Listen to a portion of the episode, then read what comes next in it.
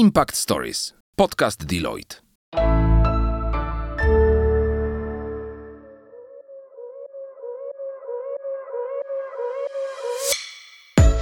Cześć! Impact Stories powstało z myślą o studentach, którzy szukają inspiracji, chcą się rozwijać i poznawać świat biznesu od kuchni. Znasz zasadę nic o nas bez nas? My też. Dlatego Impact Stories prowadzą studentki i studenci różnych uczelni z całej Polski. To aktywne działaczki i działacze organizacji studenckich, którzy na chwilę chcą się znaleźć po drugiej stronie lustra. Dzięki Impact Stories spotkają się z ekspertkami i ekspertami Deloitte z różnych dziedzin, którzy podzielą się z nimi swoim doświadczeniem i odpowiedzą na najtrudniejsze pytania.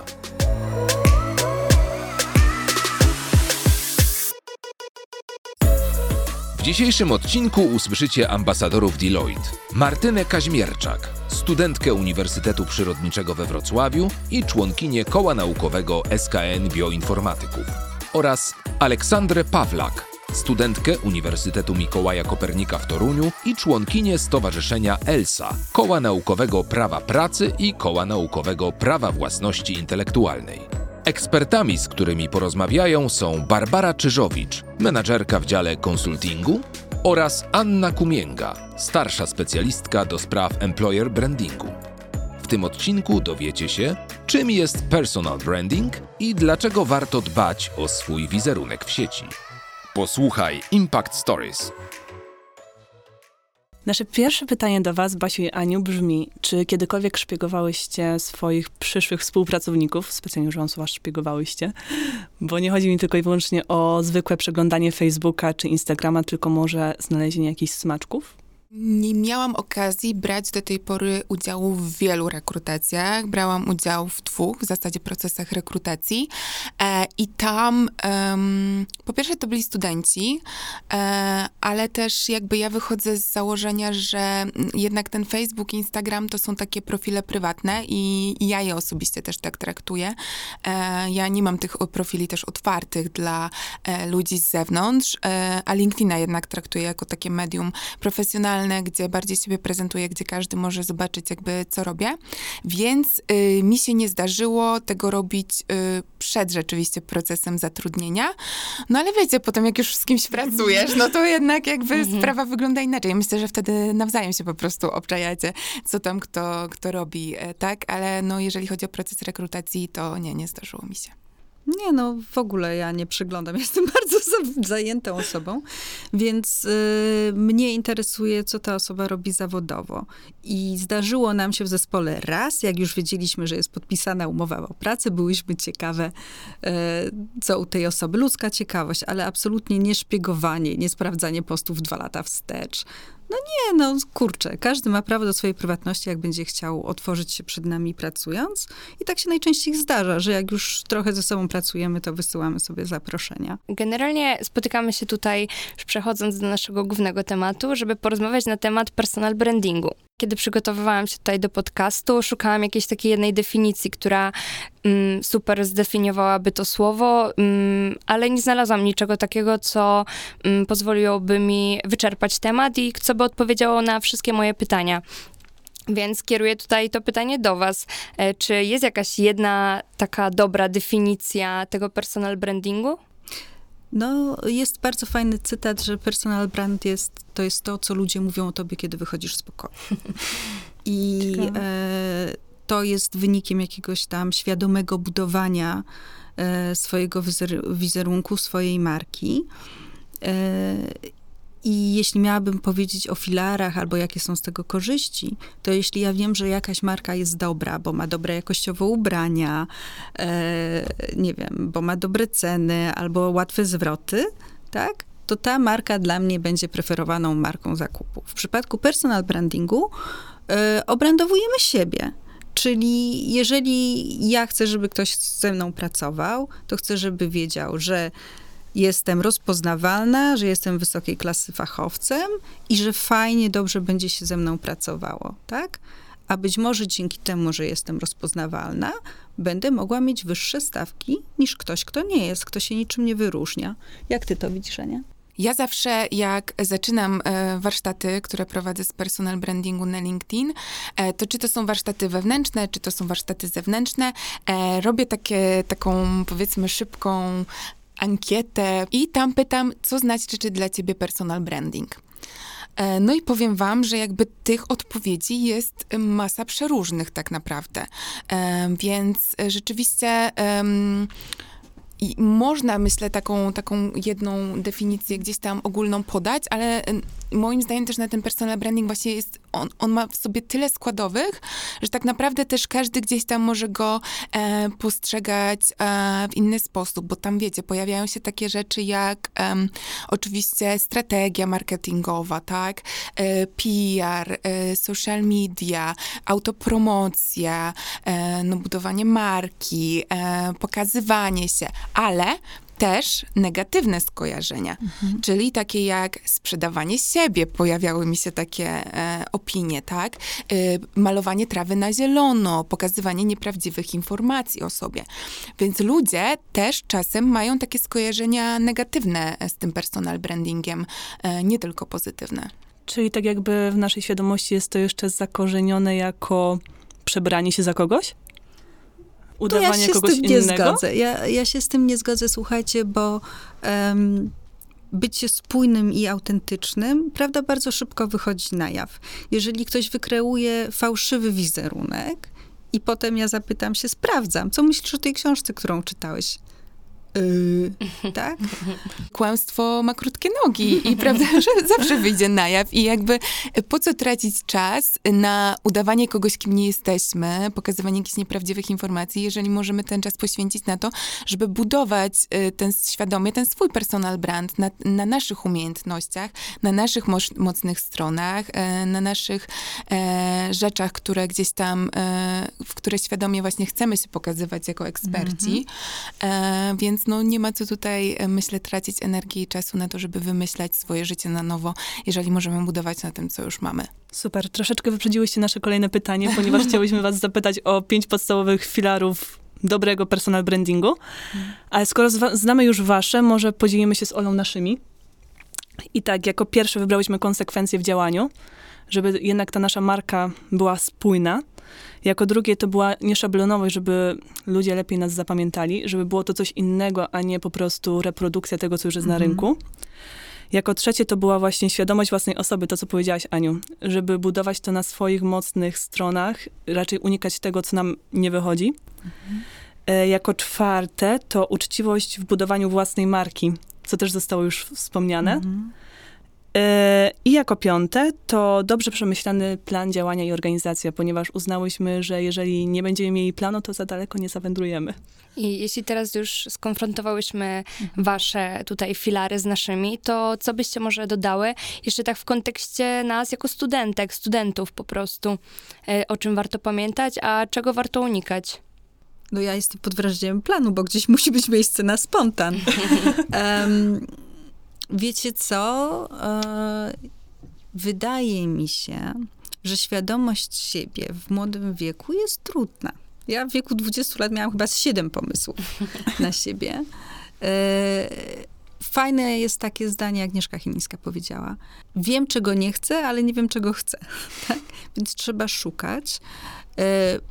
Podoba mi się, chyba ten plan najbardziej ze mną rezonuje, bo to byłby świat idealny, gdybym ja miała, okej, wstępuję do ELS, potem będę tutaj w takim kole, tu będę na takiej konferencji. Em, wydaje mi się, że przed planem powinien być fajny pomysł, tak? Chcę spróbować tego, jak się tam będę dobrze czuł, czuła, będę robić to dalej. E, I wydaje mi się, że pominęłyście wariant zasięgów. W sensie ja mogę być najfajniejszą, najbardziej superową osobą na świecie, ale jak ktoś nie wie, czym się zajmuje, bo to, to się po prostu nie przebija do szerokiej świadomości, e, no to trochę to jest bez sensu. Więc ja bym jeszcze dodała w tym planie może e, świadome budowanie grupy docelowej. Do kogo ja mówię? Czy do moich kolegów, koleżanek, czy do przyszłych pracowników. To mogą być wszystkie te grupy naraz, tak? Ale e, co ja bym chciała osiągnąć? Po co ci ludzie mają się do mnie odzywać? No bo e, fajnie by było, jakby to oni przychodzili do mnie po coś, po poradę, tak? Może wspinam się dużo po górach, e, i nie pozycjonuję się jako ekspert, ale ludzie wiedzą, że jeżdżę w góry, to może ktoś do mnie przyjdzie i zapyta, słuchaj, jakie buty, na co zwrócić uwagę. Jak to w ogóle jest? Bo ja codziennie wstaję, czuję się innym człowiekiem. Wczoraj chciałam być sportowcem, grałam bardzo długo w siatkówkę. E, wiedziałam, że może będę trenerem. Jak nie trenerem, to po prostu na światowej klasy boiskach mnie zobaczą. No, drugiego dnia wstałam, mówię, dobra, idę na prawo. E, trzeciego dnia mówię, kurczę, chciałabym może w prawie rodzinnym, będę przeprowadzała rozwody. Czwartego dnia, kurczę, w sumie lubię matematykę, może jednak podatki. Jak to z tym jest? Czy jeżeli już się czegoś jednego uczepię, to już do grobowej deski musi mi to towarzyszyć, czy jednak... Ale po co? czy jednak e, jest możliwość, żeby zbudować tak swój personal branding, żeby...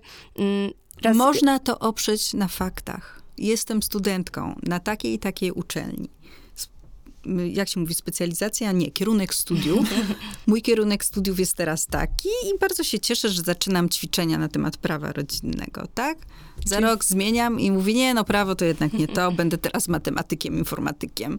Małymi krokami. Nic złego, możecie się zmieniać jak chcecie. Lepiej jest być konsekwentnym, ale ta konsekwencja nie musi oznaczać branży, tak?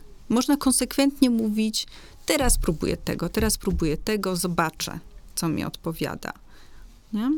Ja bym też powiedziała, że właśnie jeżeli jesteście jeszcze studentkami, to też tą markę, szczególnie swoją osobistą, możecie y, budować na swoich właśnie mocnych stronach, umiejętnościach, które nie muszą być koniecznie związane z konkretną branżą. Myślę, że te studia, to wiecie, też jest taki fajny czas, gdzie wy właśnie możecie próbować i, i nie mówię, że potem e, też tego nie można robić, ale jednak e, wtedy mam wrażenie, że ma się na to najwięcej czasu właśnie, jakichś takich możliwości, które wam dają właśnie uczelnie, e, właśnie różne organizacje studenckie, zajęcia dodatkowe, jakieś koła zainteresowań, Erasmusy, wyjazdy, konferencje, warsztaty, które po prostu firmy przychodzą i wam robią, właśnie zostanie ambasadorem jakiejś firmy.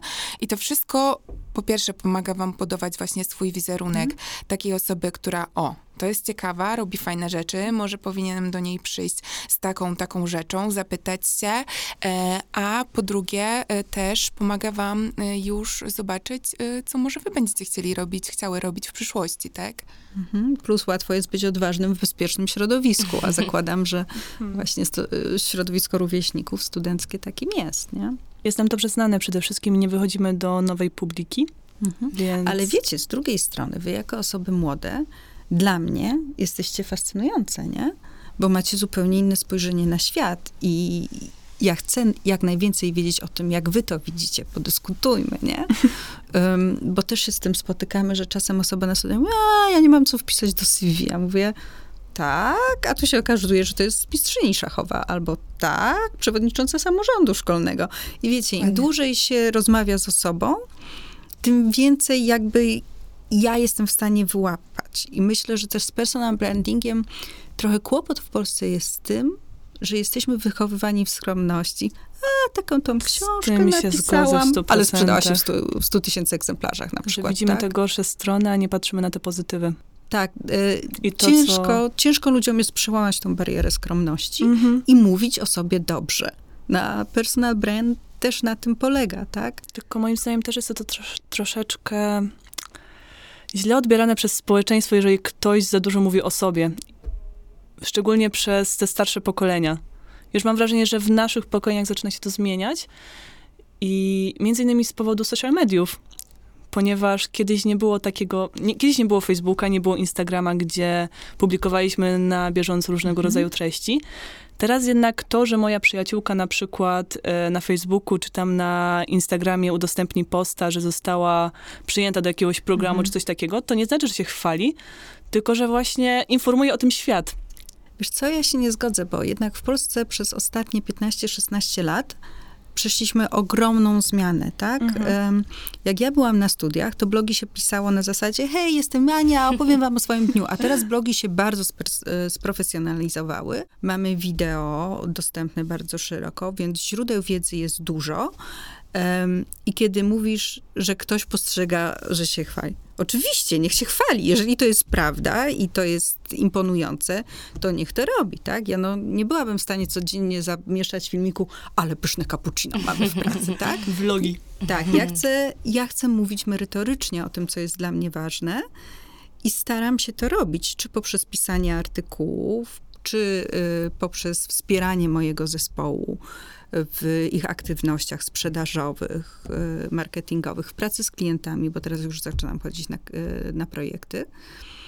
Więc no, to jest właśnie ten taki problem wychowania w skromności. Trzeba sobie powiedzieć, ja jestem okay, to co teraz się wydarzyło jest. Okay to jest naturalne, e, że na początku będziecie się stresować. Ja pamiętam, jak chyba jakieś 5 lat temu to było, właśnie publikowałam mój pierwszy post na LinkedInie. Byłam mega zestresowana.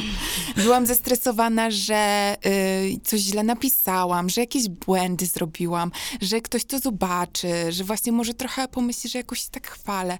No, miałam dużo obaw z tym związanymi, związane y, i opublikowałam ten post i potem, wiecie, sprawdzałam tylko, jakby kto zareagował, czy ktoś polajkował i tak dalej.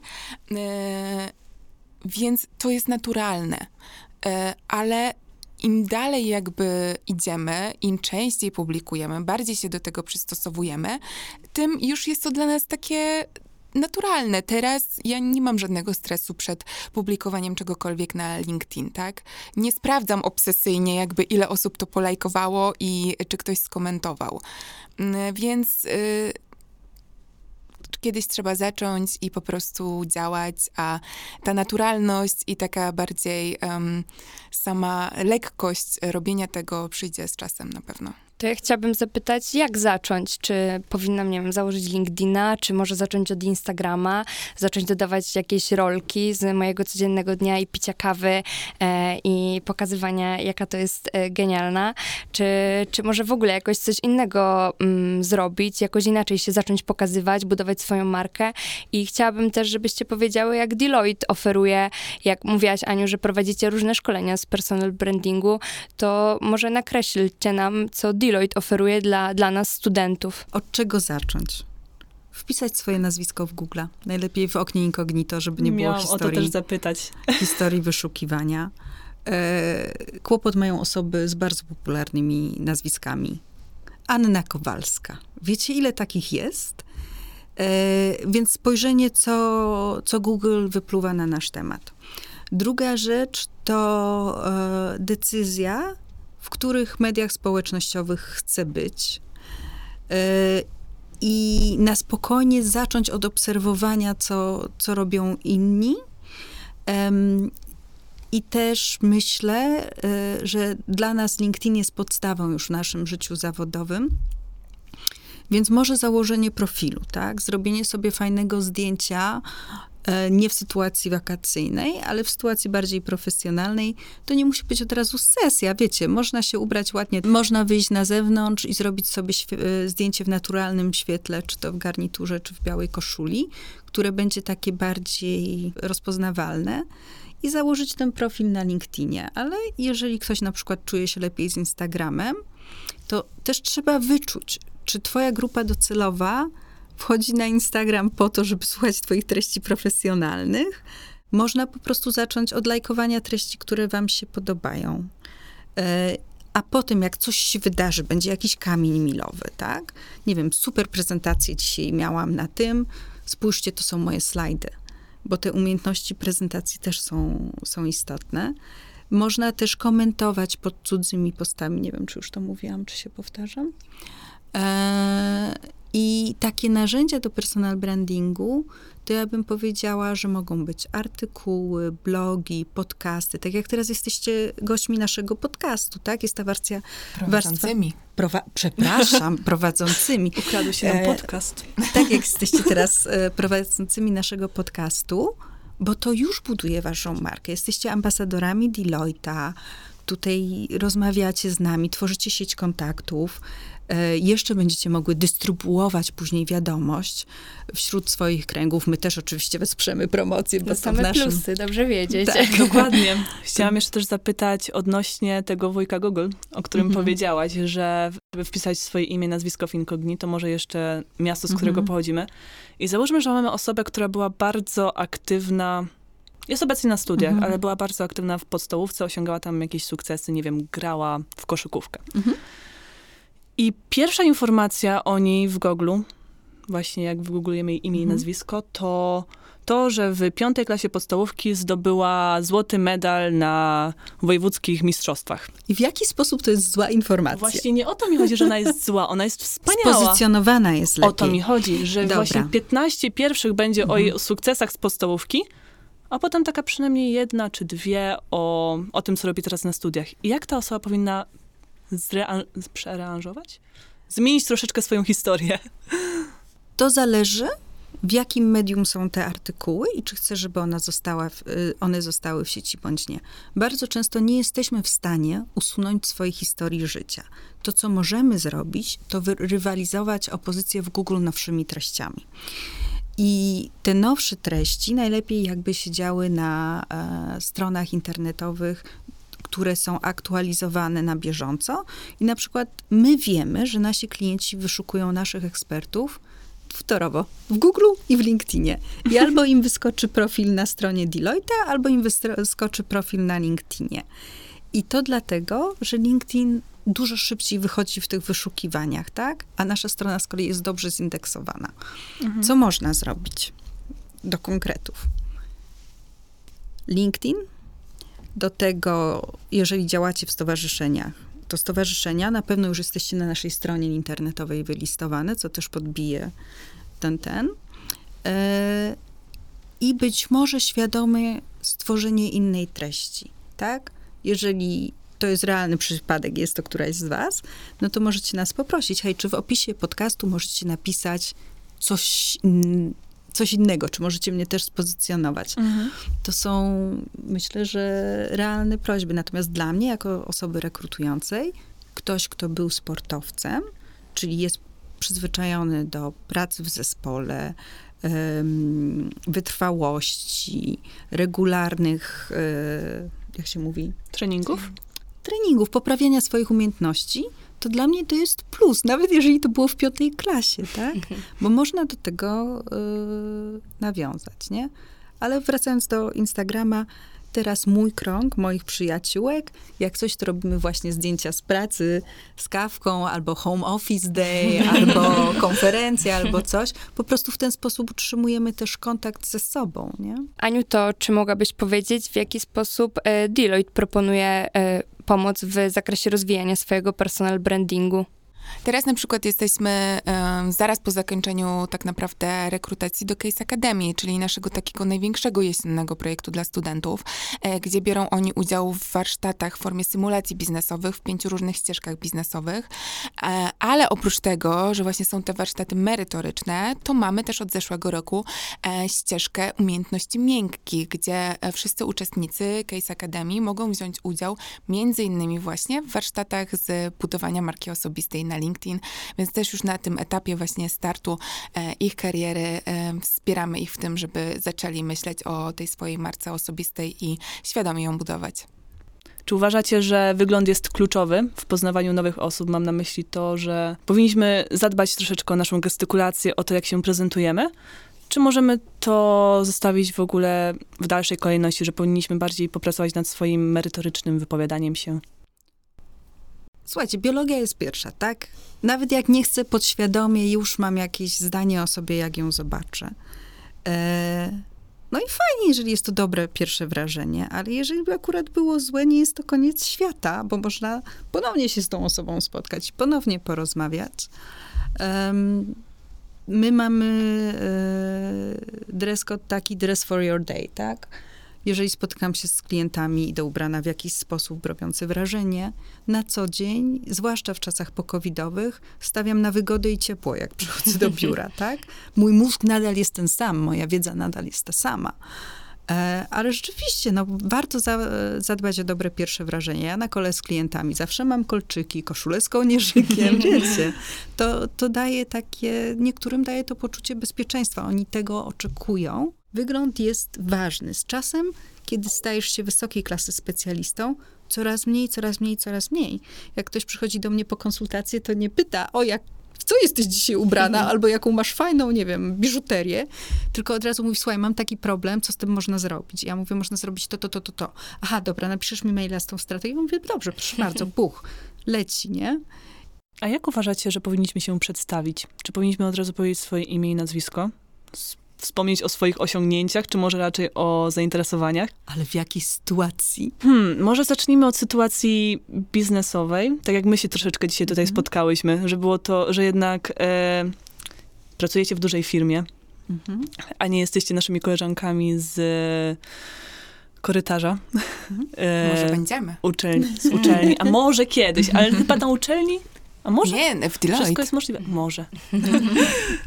Więc jakbyście przedstawiły się jako pierwsze, nie, jakbyście się, przed, jakbyście zawarły nową znajomość? Chodzi mi o to tak, e, czy bardziej na luzie, czy bardziej mm, już stawiając na to, żeby zaprezentować siebie w odpowiedni sposób? No ja bym znowu powiedziała, że to zależy z kim właśnie. Na przykład, ym, jak, y, nie wiem, współpracuję z nową agencją, tak, e, która, e, z którą gdzieś tam nie pracowaliśmy wcześniej, więc musimy się poznać, to e, ja już mam taką naleciałość, która na początku kariery była dla mnie ciężka, czyli przechodzenie na ty. Na początku było To to, ja dla też. mnie ciężkie, że ja jako dwudziestoletnia studentka em, mówię na ty do osób dwa razy, czy więcej nawet ode mnie starszych, bardzo doświadczonych.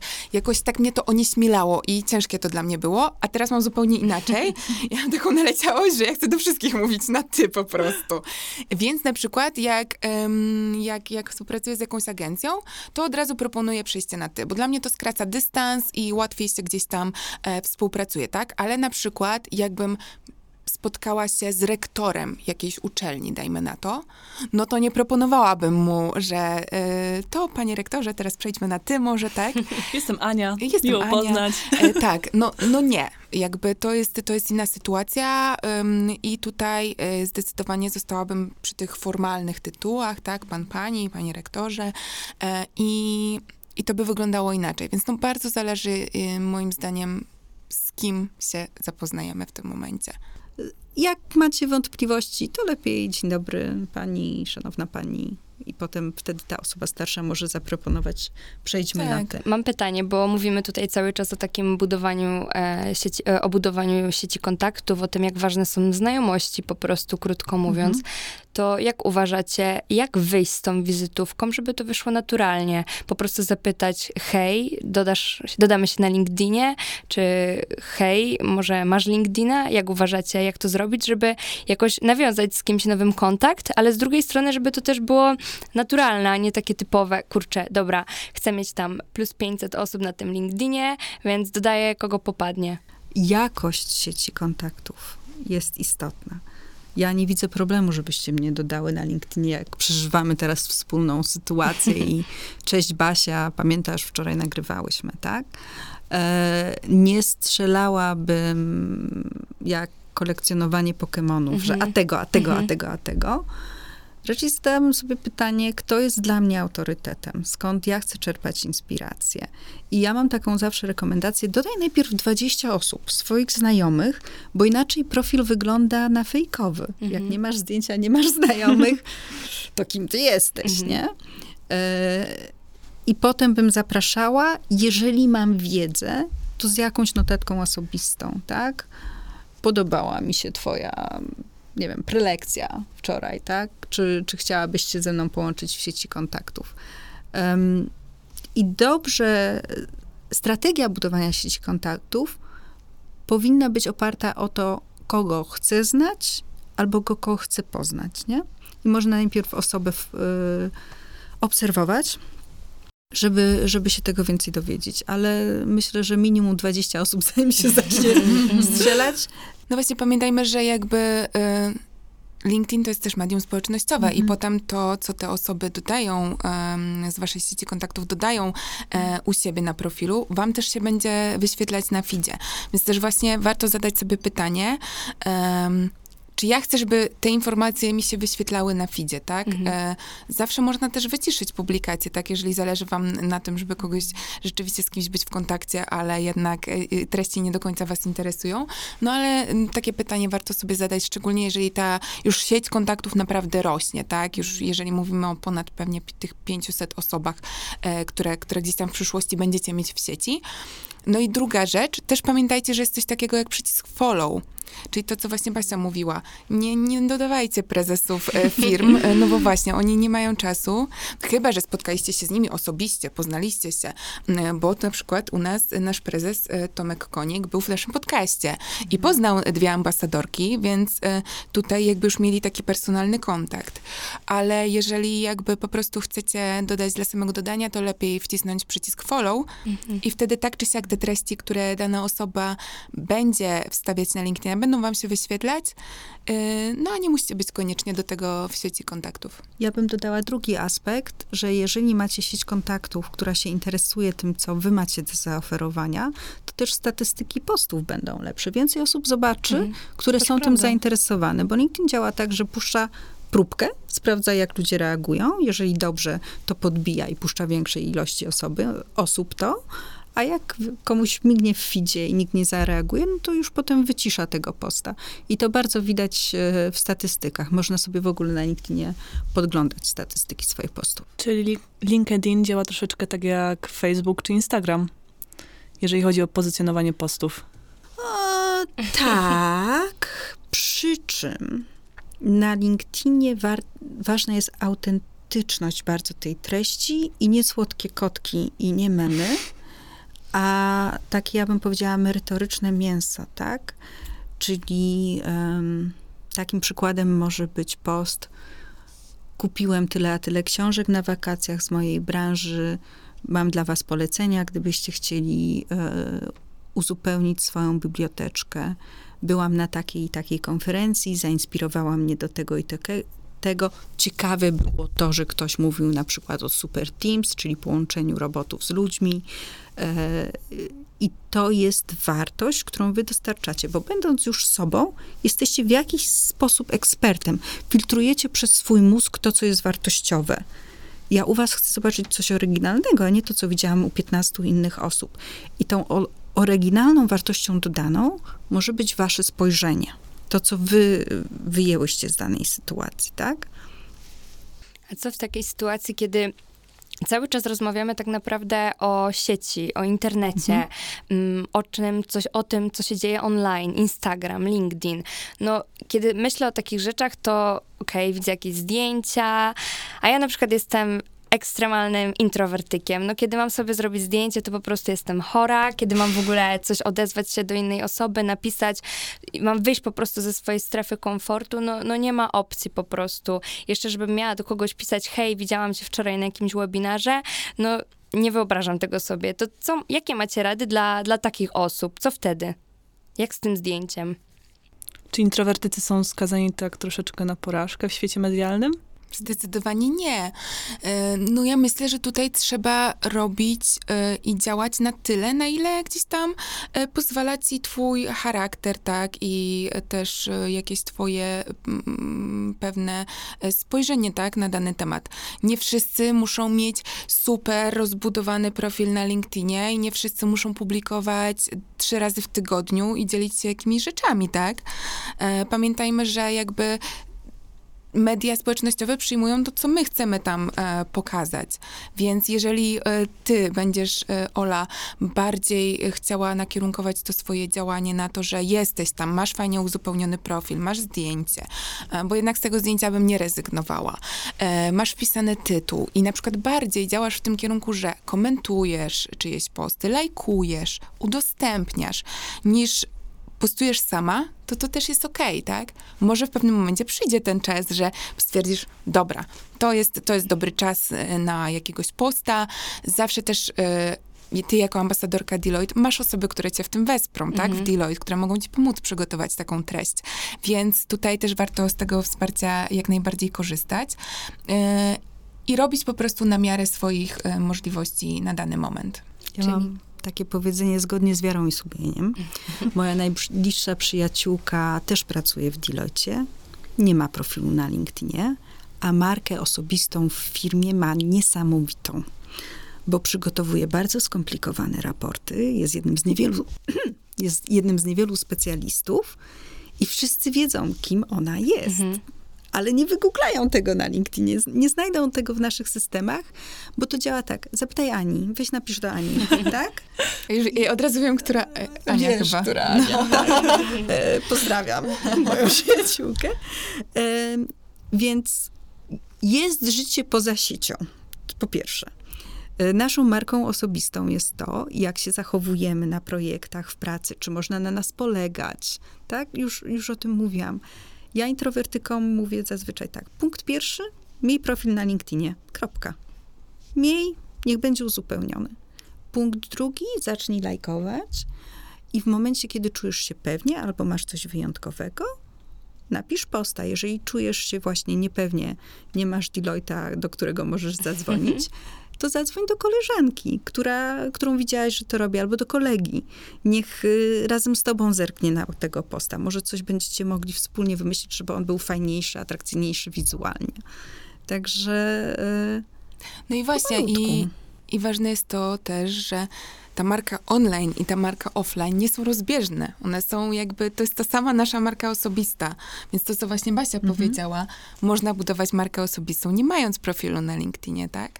Uczęszczając y, na konferencje, biorąc udział w offline'owych spotkaniach, no, których no już teraz e, na szczęście coraz bardziej e, wracamy, budując ją właśnie w pracy, jako świetnego eksperta czy ekspertki w swojej e, dziedzinie. Więc y, tutaj jakby online i offline e, powinno być jak najbardziej ze sobą e, zbieżne.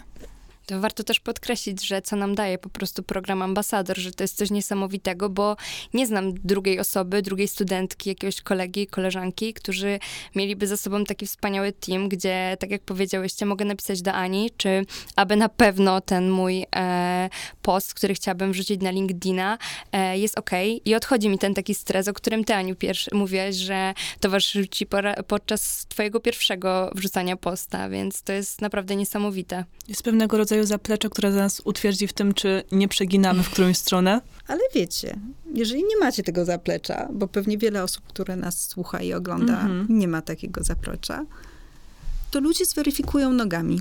Jeżeli to jest nieatrakcyjne, nudne, nie zalajkują, nie skomentują. Ludzie chcą cieszyć się sukcesami, więc jak kończymy licencjat, magisterkę, ba, zdamy sesję, tak, co nie zawsze jest oczywistością, to trzeba to celebrować. Niech świat się dowie, jacy jesteśmy mądrzy. Dobrze, w takim razie e, poruszyłaś tutaj kwestię cieszenia się ze wspólnych sukcesów. A co jeżeli ktoś chce nam specjalnie powiedzieć w sieci, że w sumie to, co my wrzucamy jest bez sensu, to, że zdałaś magisterkę, no kogo to obchodzi? Jak radzić sobie z hejtem? To, to są dwa różne rodzaje hejtu, wiecie? Bo jest hejt merytoryczny i jest hejt w stylu masz za duży nos, Jesteś głupia. jesteś głupia, tak? A, albo co ty tam wiesz, nie znasz realiów. Dla mnie najtrudniejszy jest hejt odnoszący się do wyglądu. W drugiej kolejności jakieś zmyślone plotki. Raz mi ktoś groził, słuchajcie, z sądem, nie? Ja się budzę, dzwoni do mnie przyjaciółka, mówi, widziałaś? A on mówię, co? No ale na Instagramie ktoś ci coś... Co? Więc to jest jeden rodzaj hejtu, z którym się sobie ciężko radzić, tak? Myślę, że dużo ciężej niż w przypadku, o co mi ty tam mówisz o tej magisterce, ja też mam, nie? Ej, magisterka, wiedza, badania, tez, co to jest, hipoteza, udowadniamy tezę i na końcu jest potwierdzenie tej, albo e, odrzucenie tej tezy. E, więc merytorycznie spoko, zniosę, ale te rzeczy odnośnie wyglądu bywają trudne. Szczęśliwie nie jestem na tyle popularna, żeby ktoś czuł potrzebę mi pisać więcej.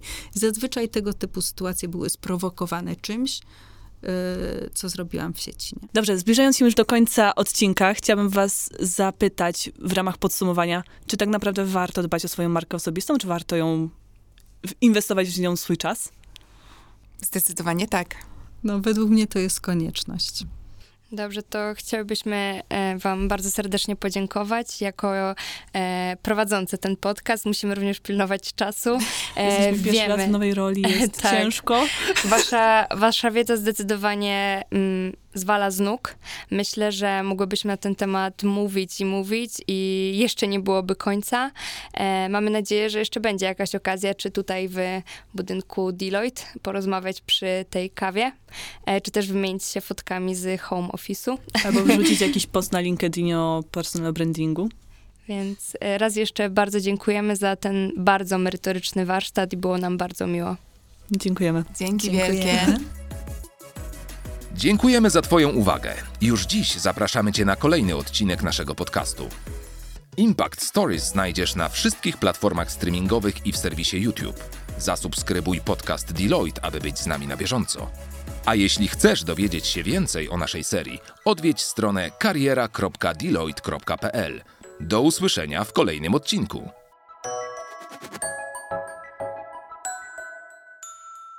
Impact Stories. Podcast Deloitte.